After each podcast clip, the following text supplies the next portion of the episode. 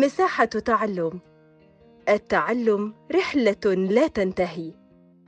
عارفين طبعا إن في مبادئ تمانية للأيكولوجيا العميقة. كانوا إيه هما المبادئ التمانية دول؟ رقم واحد ترعرع الحياة البشرية وغير البشرية على كوكب الأرض لها قيمة بحد ذاتها. تمام.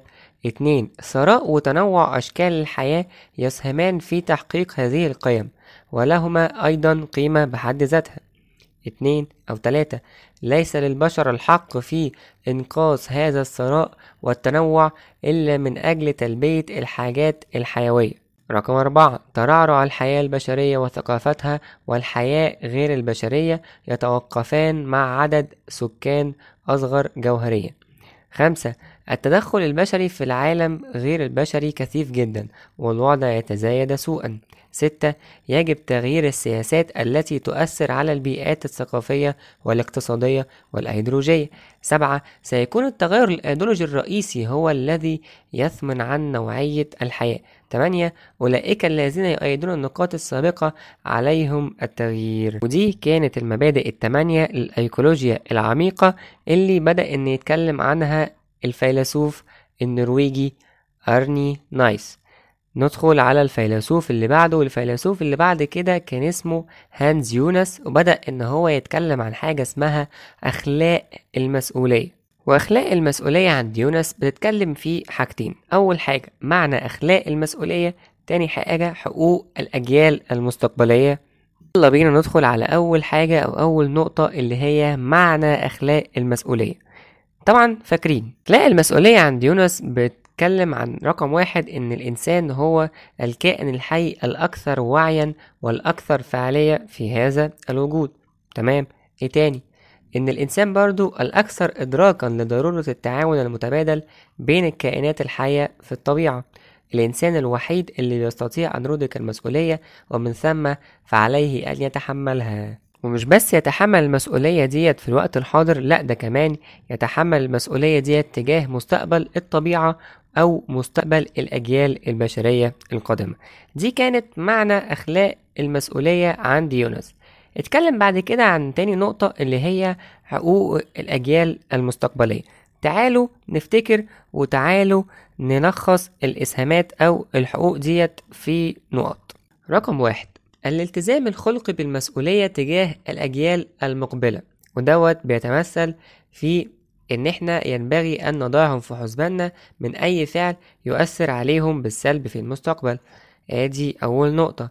تاني نقطة بيأكد يونس على إن الحقوق ليست المسؤولية الأبوية فقط بل هي واجب طبيعي نحو المحافظة على كرامة الأجيال في المستقبل والمحافظة على الطبيعة من أجلهم.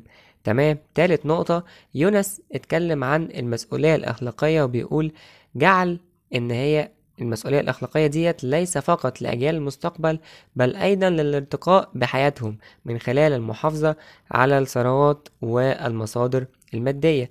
المسؤولية الأخلاقية بت- بتتحدد كده في جانبين. أول واحد وجود موارد بشرية.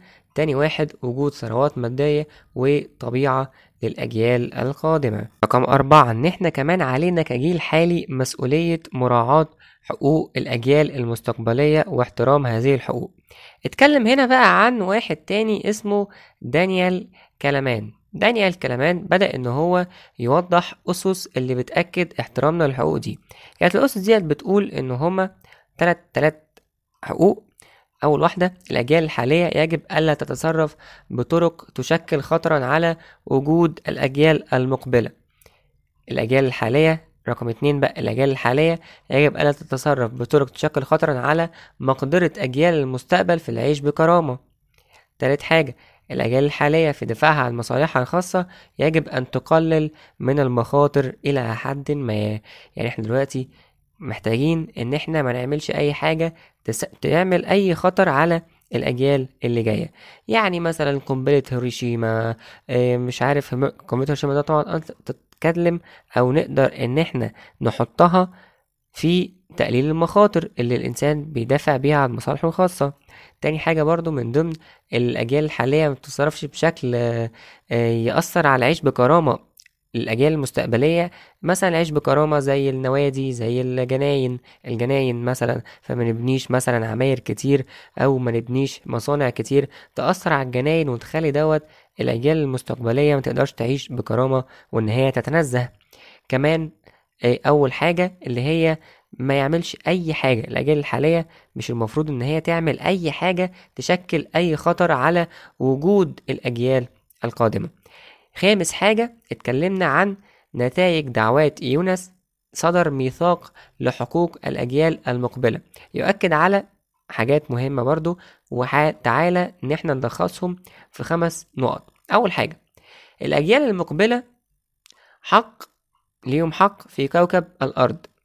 الحق دوت بيكون إيه؟ إن هو كوكب الأرض يكون غير ملوث وغير تالف وده حقهم في الاستمتاع بيه. أول حاجة. تاني حاجة على كل جيل واجب تجاه الأجيال المقبلة. لمنع الأضرار التي تصيب الحياة على كوكب الأرض. تالت حاجة كل جيل يقوم برقابة الخلل أو التغيرات الناجمة عن التكنولوجيا التي تؤثر سلبا على الحياة. أربعة اتخاذ جميع الإجراءات الملائمة زي التعليم والبحث والتشريع لضمان هذه الحقوق. رقم خمسة حث الحكومات والمنظمات غير الحكومية والأفراد على تنفيذ هذه المبادئ.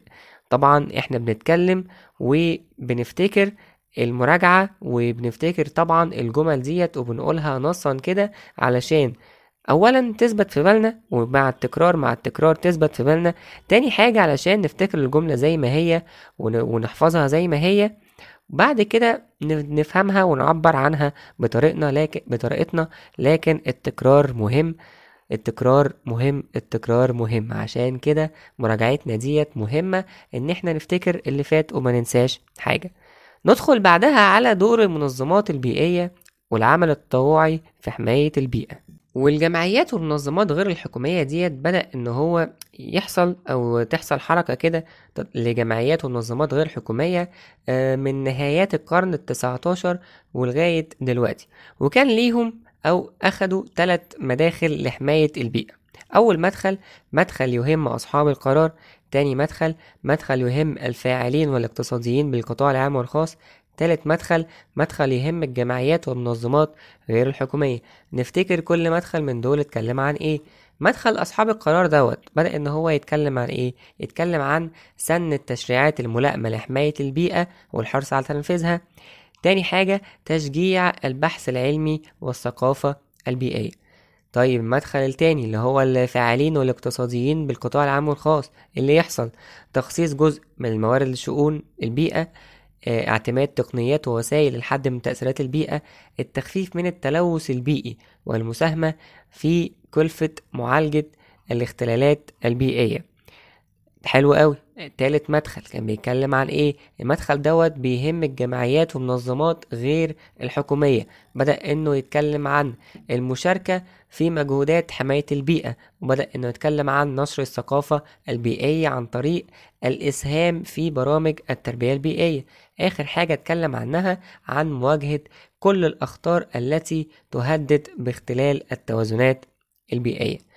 مين بقى أهم المنظمات ديت؟ المنظمات البيئية غير الحكومية في العالم. هما منظمتين عندنا منظمة السلام الأخضر لحماية البيئة والسلم ومنظمة العالمية لحماية الحيوانات البرية. أول منظمة اللي هي منظمة السلام الأخضر لحماية البيئة والسلم ديت تعرفها واهتماماتها تعريفها الأول إن هي منظمة تطوعية غير حكومية ممثلة في 40 دولة في أوروبا وأمريكا الجنوبية والشمالية. تاني حاجة إن هي أعضائها بيكونوا حوالي أربعة مليون عضو موزعين بمختلف أرجاء العالم طيب بتهتم بإيه بقى المنظمة دي يا ترى؟ بتهتم بحماية البحار والغابات المحافظة على الموارد والثروات الطبيعية الحد من الأسلحة النووية التخلي عن استعمال المبيدات الكيماوية السامة طيب بالنسبة لمنظمة العالمية للحيوانات البرية دي بتعمل إيه بقى؟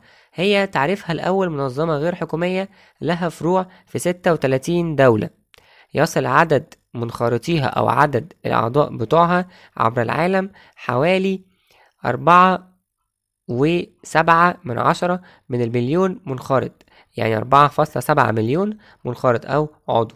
طيب اهتماماتها إيه بقى؟ بتتكلم عن اهتمامات زي حماية جميع أنواع الحيوانات البرية وخاصة خاصة المهددة بالانقراض. تاني حاجة المساهمة في إنشاء محميات طبيعية للحيوانات البرية.